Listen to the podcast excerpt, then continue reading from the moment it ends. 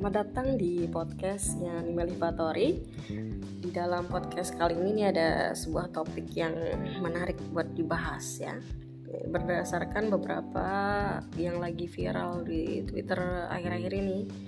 Kayak dulu tuh ada uh, film terkenal di Netflix yang me menarik ya untuk dibahas juga sebetulnya. Namanya Tinder Swindler penipu yang berkeliaran lah di Tinder gitu ya. Kemudian langsung terungkap tuh yang versi Indonesia-nya gitu. Nah, nah, menarik karena ya kita harus tahu kenapa orang tuh kok main dating app aja didasarkan oleh uh, itu keuntungan-keuntungan yang hanya sesaat itu dengan cara membohongi perempuan yang dia temui di dunia maya gitu dorongan apa sih yang membuat orang-orang itu berbohong gitu ya? Nah ini yang bakalan kita bahas dalam podcast kita kali ini. Kalau di kalau di hierarki kebutuhannya Maslow ya namanya bohong itu ya itu motifnya adalah ya lima kebutuhan itu. Sekarang udah nggak lima sih ada enam. Enam kebutuhan. Ada yang baru tuh di hierarki of needs-nya Maslow. Yang pertama kan psychological. Kebutuhan sandang papan pangan. Kemudian safety keamanan ya. Kalau nih beberapa waktu belakangan juga kan lagi berkeliaran keliti ya di Jogja di beberapa tempat juga lagi banyak kasus uh, kriminal. Biasa emang kalau lagi puasa itu orang-orang tuh cenderung kenapa ya kok tingkat kejahatan atau kriminalitas itu malah bertambah? Padahal kalau lagi puasa kan harusnya kan beribadah yang banyak gitu ya.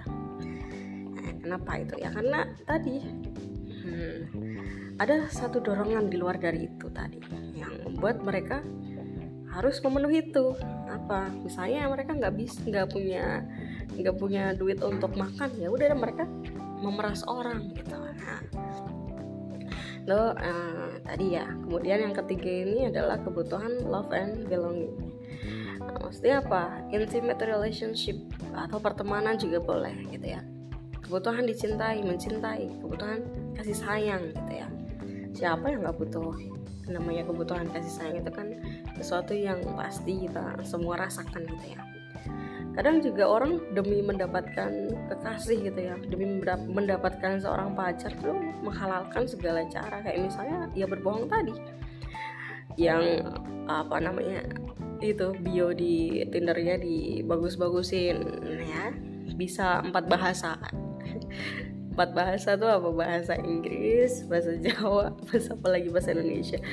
Satunya lagi bahasa kolbu. Ya biasanya orang hmm, manipulatif gitu ya manipulatif. Termasuk ketika kita lagi ngejar-ngejar orang nih aku bakalan nanti seumur hidup lah sama kamu gitu. Kamu tuh perfect dari atas sampai bawah gitu. Nah itu biasanya juga digunakan untuk mempengaruhi ya mempengaruhi orang yang sedang kita dekati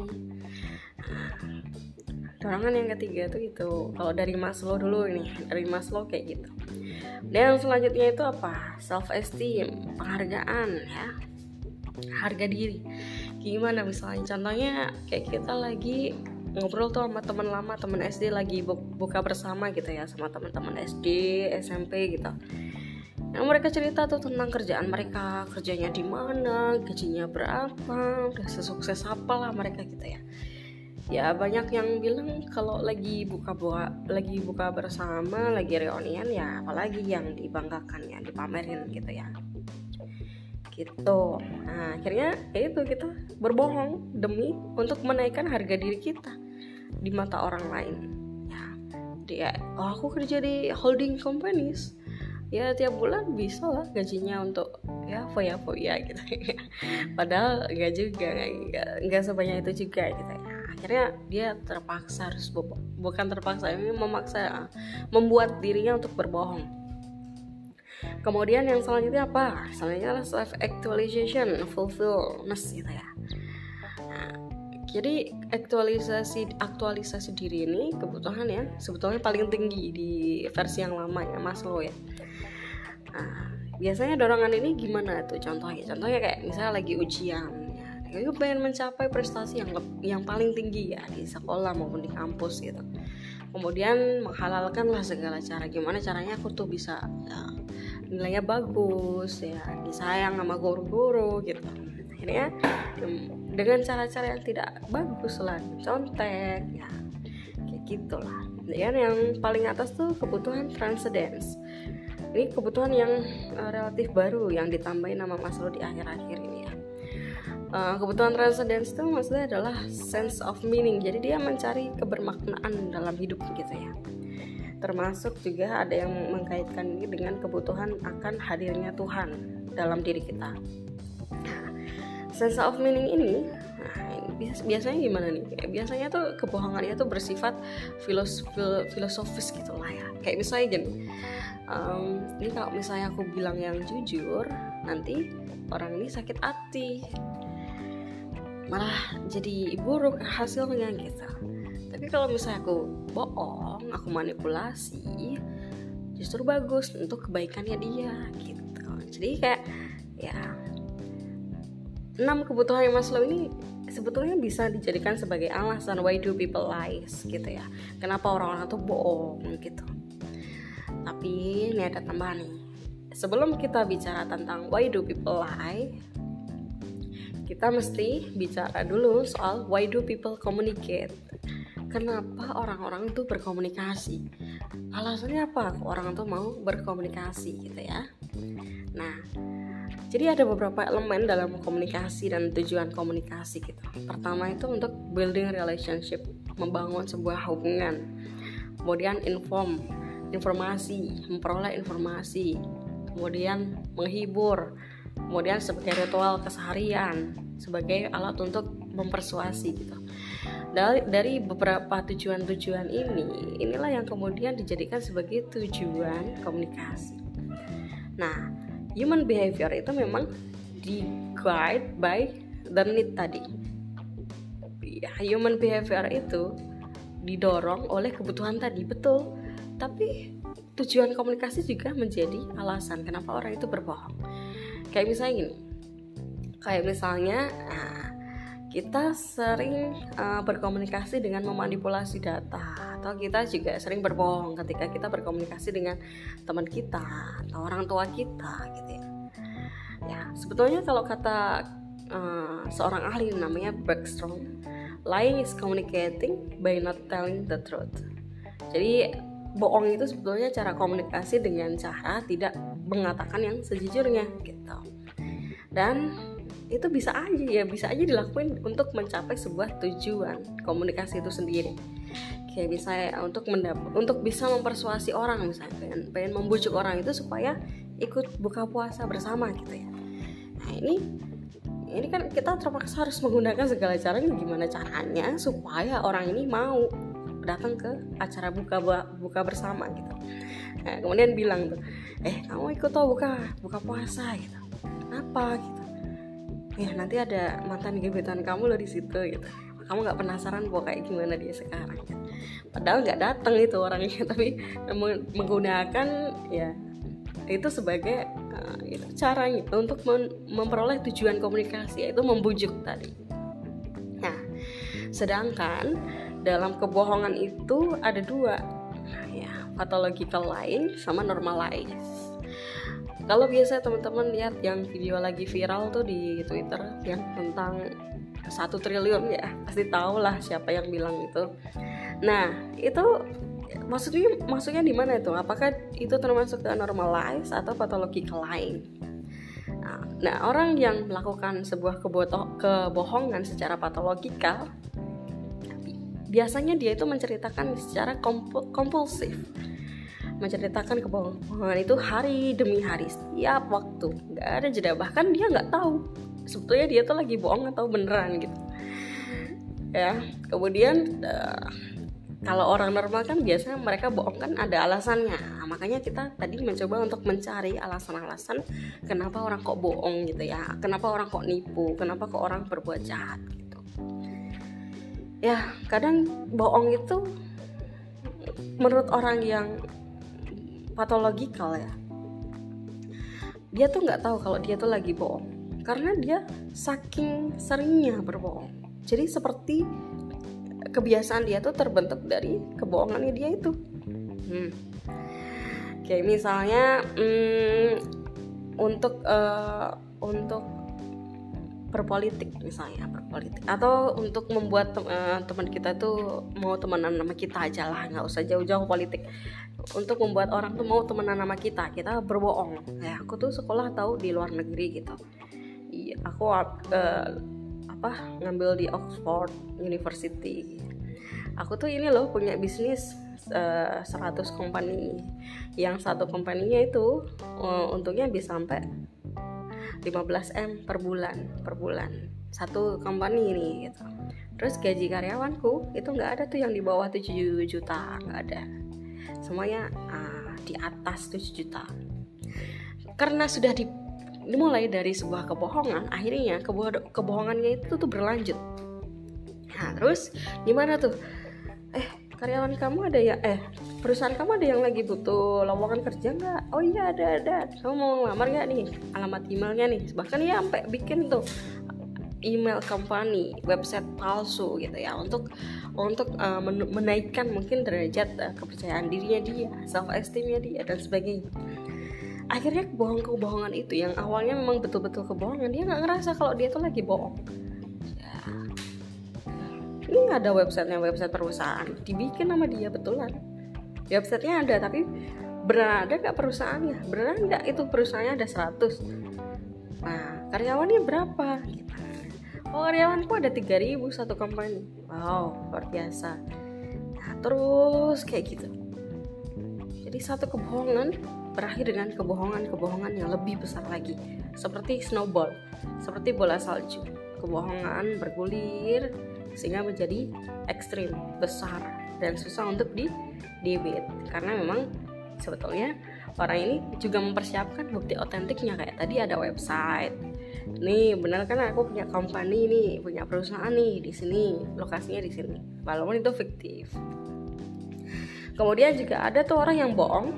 Kadang dia tuh nggak nggak nggak sengaja gitu loh untuk bohong. Karena kebohongannya ini cuman untuk supaya nggak menyakiti orang lain atau biar orang tuh nggak marah sama dia. Kayak misalnya teman-teman biasanya kalau di rumah tuh mecahin atau ngilangin tupperware misalnya ya ngilangin tupperware. Terus ditanya tuh sama mamanya eh mana ini tupperware kamu? Kamu yang bawa ya? Kamu yang ngilangin ya? Enggak aku nggak ngilangin.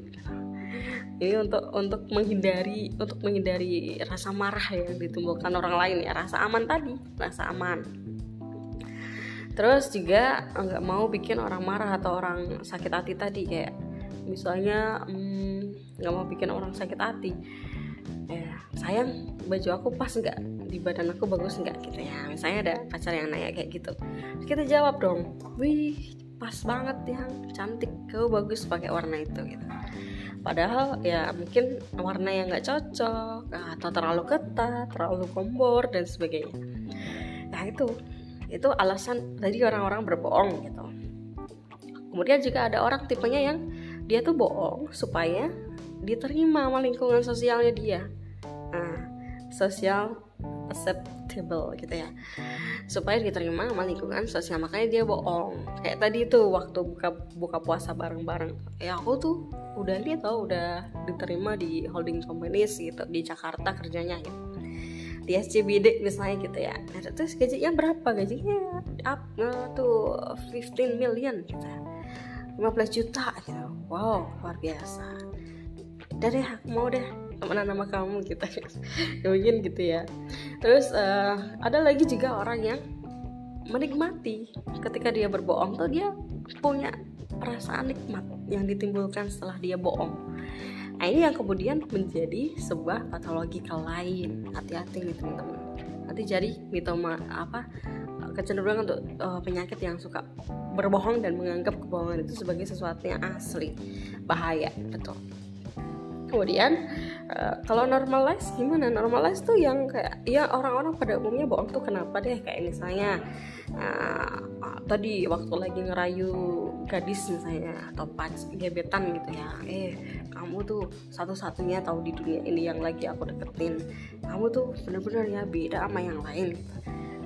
Kebohongan-kebohongan itu normal normalize itu kan ada tujuannya tujuannya untuk untuk me, untuk uh, ya itu untuk bisa barengan sama orang itu gitu. Kadang kayak kita mecahin piring gitu ya siapa tuh yang mecahin piring? gitu. Enggak bukan aku bukan aku ya akhirnya untuk menghindari konflik untuk menghindari perasaan malu juga bisa tuh orang bohong juga menghindari rasa malu. Kayak misalnya kamu udah dapat kerja belum? Ditanya tuh waktu nanti lebaran gitu ya. Kamu udah kerja di mana? Udah dapat kerja belum? Gitu. Udah kok gitu.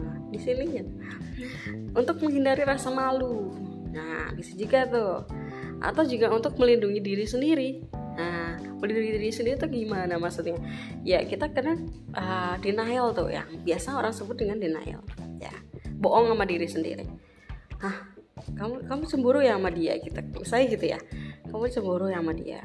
Ngeliatin dia kok kayak gitu banget gitu. Si jawab enggak aku nggak cemburu. Ya, ini kan sebetulnya kan lagi bohong. Nah denial itu salah satu defense mechanism yang dicetuskan oleh uh, Sigmund Freud yang membuat orang itu uh, membohongi dirinya sendiri membohongi dirinya sendiri untuk melindungi dirinya sendiri dari perasaan sakit dari perasaan yang tidak nyaman gitu. Ada juga orang yang bohong untuk mempromosikan dirinya. Karena sejatinya kita semua itu kan marketing ya. So, ya sorry. Kita semua itu marketer. Kita semua itu ahli promosi. Sesuatu yang menarik dalam dalam diri kita tuh selalu kita tonjol-tonjolkan kita tunjukkan ke orang lain. Baik dalam bisnis setting maupun dalam personal relationship. Yang jelas tujuannya adalah untuk supaya orang itu melihat diri kita itu orang yang punya nilai plus punya nilai yang bagus yang positif gitu. Nah we tell lies to promote ourselves we tell people about what's good dan tidak akan mengatakan apa yang gak bagus gitu. Dan selanjutnya apalagi nih? Apalagi nih alasan bohong lagi nih? Nah sebetulnya kalau dari uh, berbagai sumber ya alasan orang berbohong itu simple banget so simple. Why do people lies? The answer is uh, pretty simple. People lie when the truth when the truth doesn't work. Orang-orang tuh bohong ketika kebenaran itu nggak bekerja. Ya jadi dia menggunakan itu untuk sebagai senjata supaya berhasil mempengaruhi berhasil mendapatkan posisi yang dia inginkan. Tujuan komunikasi itu tadi. Gitu. Nah gitu aja podcast kali ini. Mudah-mudahan sedikit banyak bermanfaat ya teman-teman ya. Lagi kita juga harus tahu orang tuh bohong tuh kenapa alasannya tuh apa. Pokoknya setiap perilaku baik itu positif maupun negatif kita harus tahu alasannya tuh apa. Jadi jangan terlalu cepat menilai orang. Jangan terlalu cepat uh, apa namanya kasih judgmental gitu ya. Kita harus betul-betul tahu orang ini bohong untuk melindungi dirinya sendiri nih supaya dia nggak minder. Orang ini bohong karena emang dia penipu ulung nih gitu. Orang ini bohong karena emang dia nggak mau orang kecewa sama dia gitu. Ya kita harus tahu. Bohong itu nggak apa-apa asalkan ada alasannya dan alasannya itu tidak merugikan orang lain gitu. Itu ya thank you for uh, hearing me and selamat ketemu eh, sampai ketemu lagi di podcast selanjutnya. Marfatori pamit undur diri